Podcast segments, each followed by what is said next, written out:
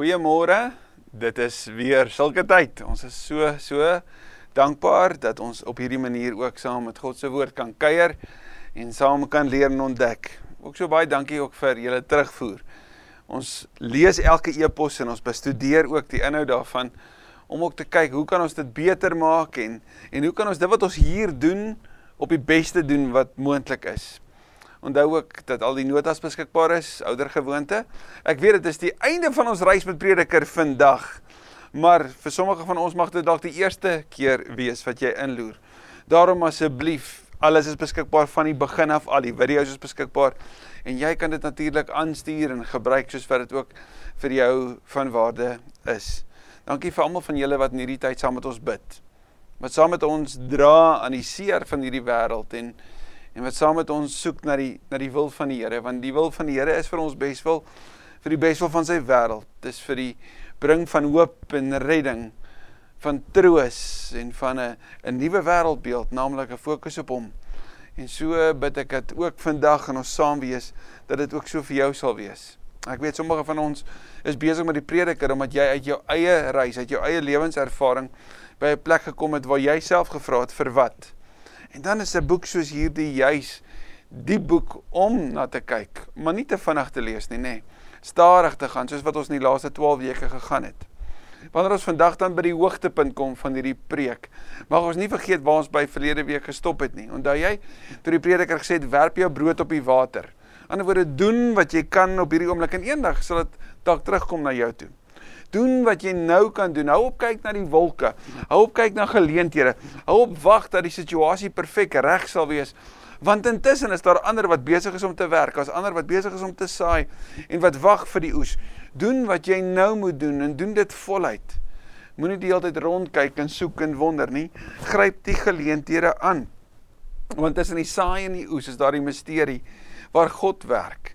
En net so in hierdie wêreld is daar goed wat God doen wat ons net nooit ten volle sal verstaan nie. Want ons is mense en hy is God. En die prediker maak ons vry om daar binne juis te kan leef, om dankbaar te kan leef, om voluit te leef. Daarom sal hy vir jong mense sê, hoorie maar, maar doen wat jy doen en doen dit voluit, maar weet God gaan van jou rekenskap eis. So om in die oomblik van die lewe, in jou jeug, juis alles ten volle te doen en ons het vir mekaar gesê, Hoe help ons jong mense om voluit te leef in 'n tyd soos hierdie? Hoe ondersteun ons hulle? Hoe praat ons met hoop en en hoe hoe skep ons geleenthede waar hulle kan floreer en wat hulle kan weet dat in hierdie wêreld wat dalk baie onveilig is in terme van pandemie is daar plekke waar hulle net hulle drome kan najag, waar hulle kreatief kan wees. Daar kan verf of kan bak of kan skep of 'n boodskap kan stuur of selfs 'n video te kan maak waar hulle hulle maats kan ondersteun en kan aanmoedig en kan beleef ook dat hulle 'n verskil maak. Dat ons hulle kan help om te leef. So, kom ons bid dat die Here ook hoofstuk 12 vir ons sal oopbreek vandag. Dankie Here dat ons met verwagting by mekaar kan wees.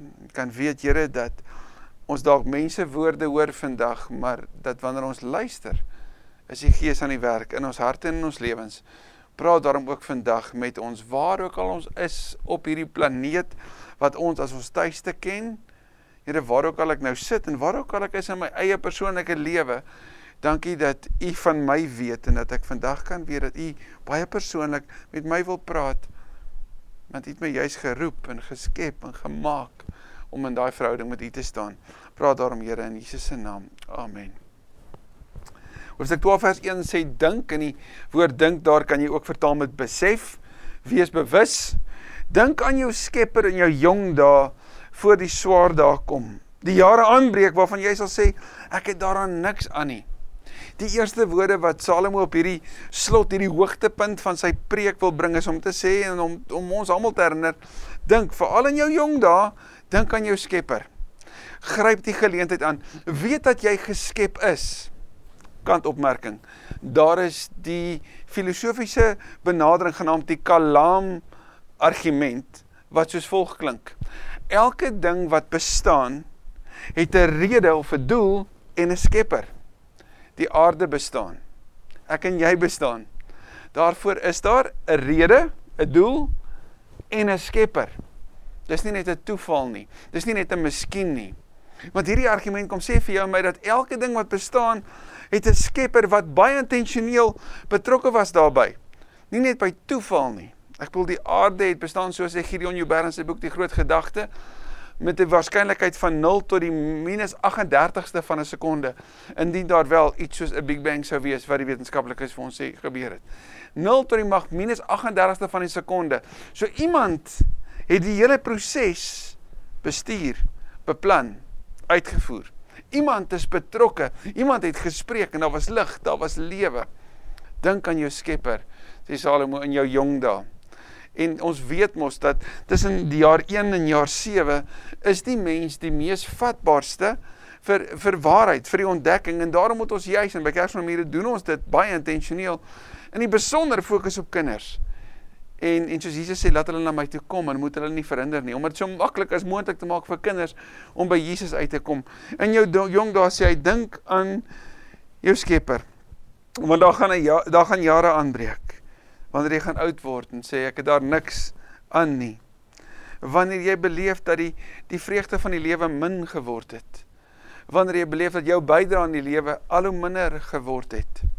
Want daar's so 'n tyd ook. En Salomo gaan dit nou beskryf en en 'n paar keer gebruik hy hierdie woorde die tyd. En en die tyd wat aanbreek, sê jy ook kon vertaal met voordat. En en jy sien dit baie meer in Hebreëus as wat jy dit hier in ons vertaling sien. Maar die belangrike is elke keer fokus hy op wanneer daai oomblik aanbreek. Dit is die tyd wanneer die son donker sal word en ook die daglig, die maan en die sterre, die tyd wanneer dit weer bewolk word na die reën. Hierdie tyd wanneer dit sal donker word. Herinner natuurlik vir ons aan Genesis 1 waar waar daar lig was en toe die son later geskep, nê? Nee, dat dat dat Salomo kom sê maar daar gaan 'n tyd kom wanneer die lig vir jou donker gaan word. Wanneer jy gaan doodgaan. En voordan moet jy onthou om aan jou Skepper te dink, moet jy onthou om te leef. En hier beskryf hy dit nou en hy hy beskryf dit so poëties en so goed. Maar ons moet mooi kyk. Vers 3 sê dit is die tyd wanneer die wagters van die huis sal bewe. Nou hierdie wagters van die huis was um, fokus waarskynlik of verduidelik eh, dui waarskynlik op die arms en op die hande, die hande wat bewe soos in die ouderdom. Die sterk manne waggel wat waarskynlik dui op die bene wat waggel wat moeilik loop, arms wat bewe, bene wat moeilik loop. Die malers ophou maal omdat hulle min geword het. Dit dui natuurlik op ja, dis reg, die tande. Die tyd wanneer dit donker word vir die wat deur die vensters kyk wanneer hy dit op die oë. So die hande, die bene, die tande en die oë is almal aanduidings van dat my liggaam besig is om oud te word. Die tyd, sê Salomo, voordan moet jy onthou om aan jou Skepper te dink. Wanneer die deure na die straat toegemaak word, hierdie deure het waarskynlik te doen met die normale lewe om deel te neem in die samelewing. Hoe ouer jy word, as jy as jy nie meer mobiel is nie, dan word jy al hoe meer gekluisin binne in jou in jou woning, binne in jou huis, binne in jou kamer. Ek kan nie meer beweeg nie, ek kan nie meer deelneem in die in die algemene lewe nie. Dit mag dalk ook daai aan besigheid om te sê dis die tyd wanneer ek nie meer 'n besigheid het nie, die deure is toe. My geleentheid om by te dra aan die samelewing, my tyd het gekom en my tyd het gegaan. Dit is verby. Die geluid van die meel dof word wat dui op om doof te word, nê. Nee. Die tyd wanneer die mens opstaan as die voëls begin sing. Dis die tyd wanneer jy min slaap. Dalk dikwels slaap, maar nooit diep genoeg en lank genoeg nie. Al hoor hy geen lied meer nie. Doof. En hierdie lied is die lied van die lewe, die vreugde daarvan. Dis om te sê daar kom 'n tyd en en dis 'n baie direkte beskrywing van van hoe dit kan sleg raak wanneer hierdie tyd in jou lewe ook kan aanbreek. Dat dit nie noodwendig lekker en gemaklik is nie.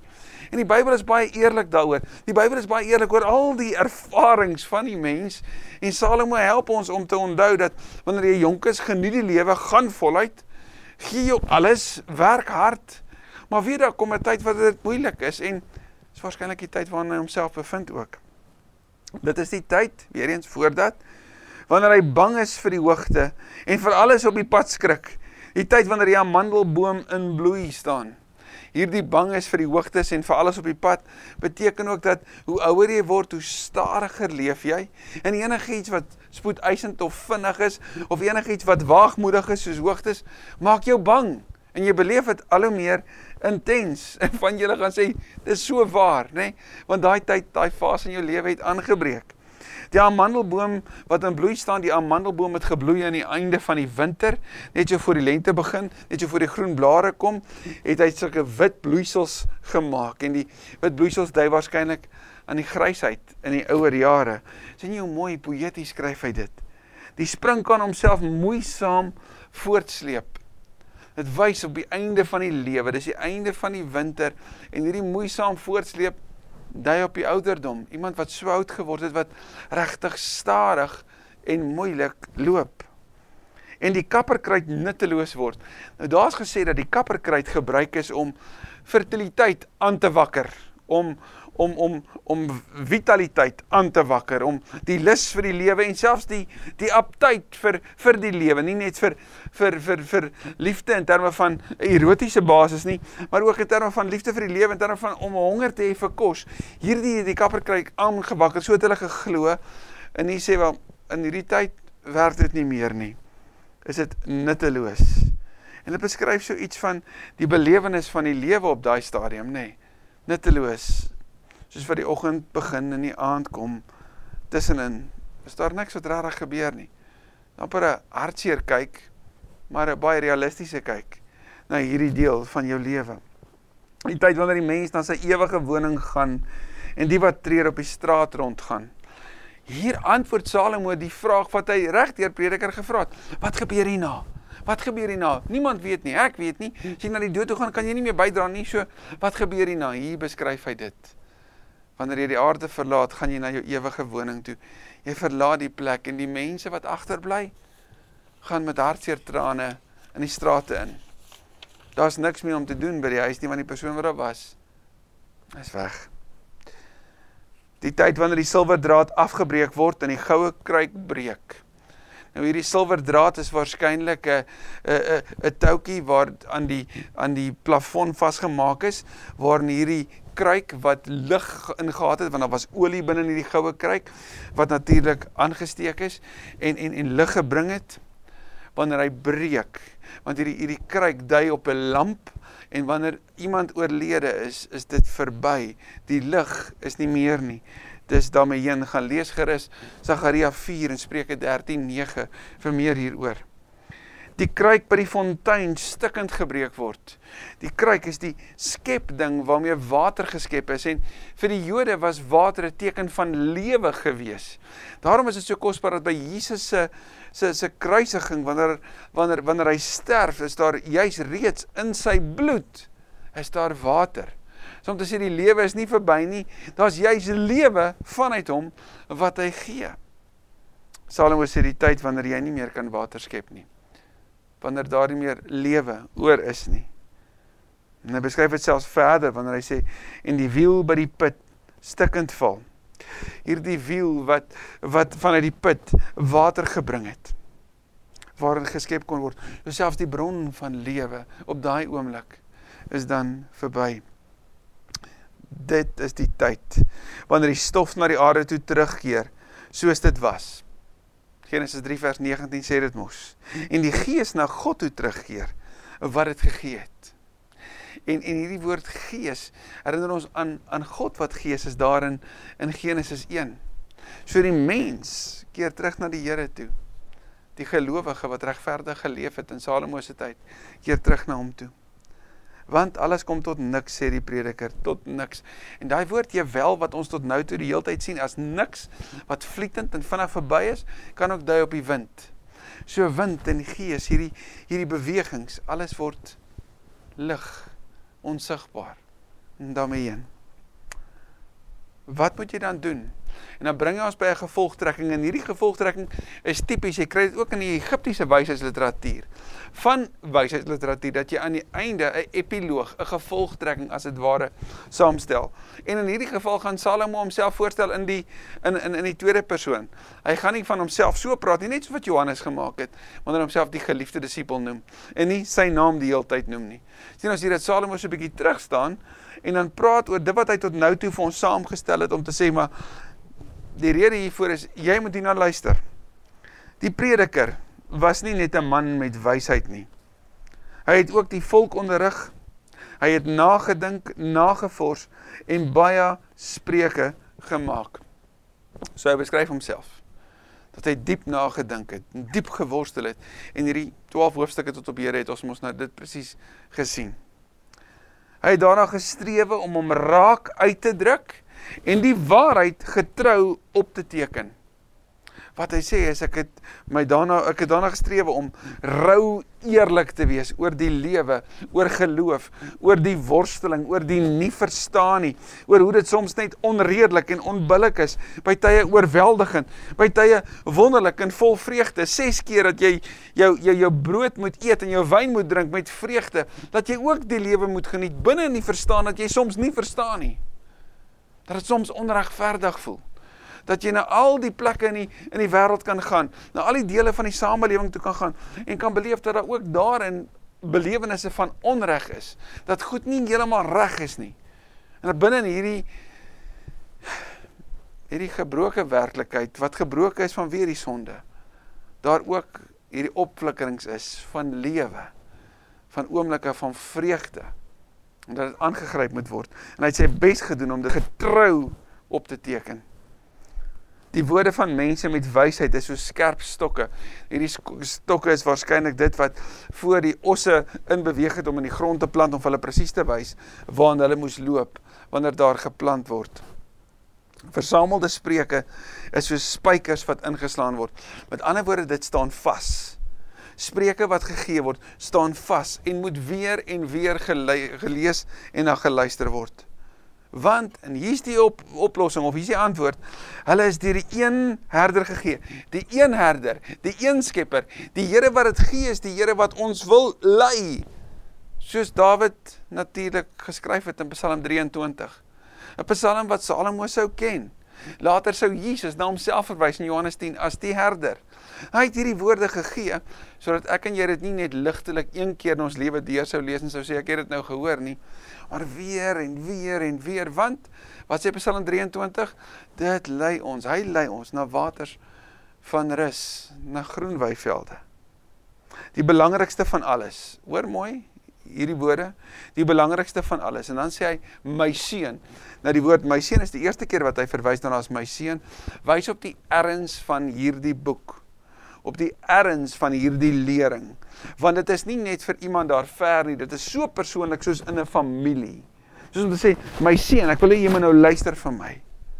En as hy dit vir sy seun sou sê wat so persoonlik en so naby is, dan is dit mos ook vir jou en my, nie waar nie? Die belangrikste van alles is my seun wat wees versigtig. Hoor die erns van sy boodskap. Wees versigtig. Daar kom nie 'n einde aan die skryf van baie boeke nie. Te veel studie oor eis die liggaam. Nou weet ek hierdie vers is al verskriklik baie keer uit konteks uit aangehaal veral deur studente, nê. Nee, want hulle wil sê hulle wil 'n bietjie rus. Maar waaroor gaan dit in Salomo se lewe? Hy het sopas vir ons in die voorafgaande gesê, hy is die kenner van wysheid. Hy is die een wat dit geleer en oop neergeskryf het. Hy het sy bes gedoen om dit getrou weer te gee. Maar hy het vir ons vroeër in hierdie belangrike boek kom leer dat jy kan so kennis najag dat jy vergeet om te leef. Jy kan so gefokus wees op op op op lering en op inhoud dat jy uiteindelik jou liggaam ooreis. Nou kom ek maak 'n kantopmerking in vandag se wêreld. Jy kan so YouTube video's kyk wat net inhoud op inhoud op inhoud op inhoud afgooi in jou lewe in dat dit jou doodmoeg maak, dat jy sukkel om te slaap, dat jy sukkel om te rus. Dat daar nie 'n breek in skermtyd in jou lewe is nie. En dit is nogal vreemd om dit te sê terwyl jy hierna kyk op 'n skerm nie waar nie. Maar hoor wat sê Salomo, wees versigtig. Want te veel studie kan jou liggaam oorwys Daar kom 'n einde aan die skryf van al hierdie boeke. Daar kom 'n einde daaraan en jy moet onthou dat wanneer dit gekom het ook in jou lewe en al die lees en lees en lees en jy ouer word, is die vraag het jy onthou om te lewe. Hier by by ons in die kantoor het ons 'n 'n beker daar in, in een van ons kombuise wat wat die volgende opgeskryf staan: Memento vivere. Ons die Latynse spreekwoord wat sê onthou om te leef. Memento vivere. Onthou om te leef want daar kom 'n einde aan die skryf van baie boeke te veel studie oor eis die brein, oor eis die liggaam. Onthou net waar staan nie studie oor eis die liggaam nie. Te veel. Die aanhoudende, die nie stop nie. Die slotsom van alles wat jy gehoor het is dit. Hier is sy hoogtepunt. Hier's die ontknoping van 12 hoofstukke se se ontknoping van hierdie groot geheimenis van die lewe is dit. Dien God en gehoorsaam sy gebooie. Dit is wat van die mens gevra word. Dit is sy antwoord vir sy vrae oor wat, wie, waarom, waar, hoekom, hoe en dis meer. Sy antwoord is wat? Dien God. Dien God. Jy sy sy doelos. Jy sy dienaar. As hy van jou iets vra, doen dit. As hy in hierdie boek vir ons kom sê dis hier dit moet doen, dan doen jy dit so. So as God sê iets is sonde, dan dan is jou opinie daaroor nie belangrik nie. Nie waar nie want hy's God, nie jy nie, nie ek nie. Ons opinie tel nie. Hy is God. As hy dit sonde noem, dan is dit sonde. So vermy dit. En hy het 'n klomp keer daaroor vir ons gesê wat ons nie moet doen nie, nê. Soos byvoorbeeld moenie sê dat in die verlede was dit beter nie. Onder andere dien God en gehoorsaam sy gebooie. Want Salomo sal weet, dit is die basiese boustene van 'n lewe van wysheid om God te dien en sy gebooie te gehoorsaam. Want vers 14 laat hy ons ons mee in hierdie God wat die skepper is, wat die herder is, is ook die regter. God sal rekenskap eis oor alles wat gedoen word. Ook oor wat in die geheim gedoen word, of goed of dit goed is of kwaad. Psalm 139 sê die Here ken my. Hy sien dwars deur my of ek sit en of ek staan, hy weet dit. Hy weet van die woorde wat wat ek spreek en natuurlik van hulle wat ek nie spreek nie. Hy weet van die dade wat ek moes doen en nie gedoen het nie en hulle wat ek gedoen het en nie moes doen nie. Hy weet van dit alles. My lewe is 'n oop boek vir hom. Ek kan nie wegkom daarvan nie. Ek kan dit nie wegsteek nie.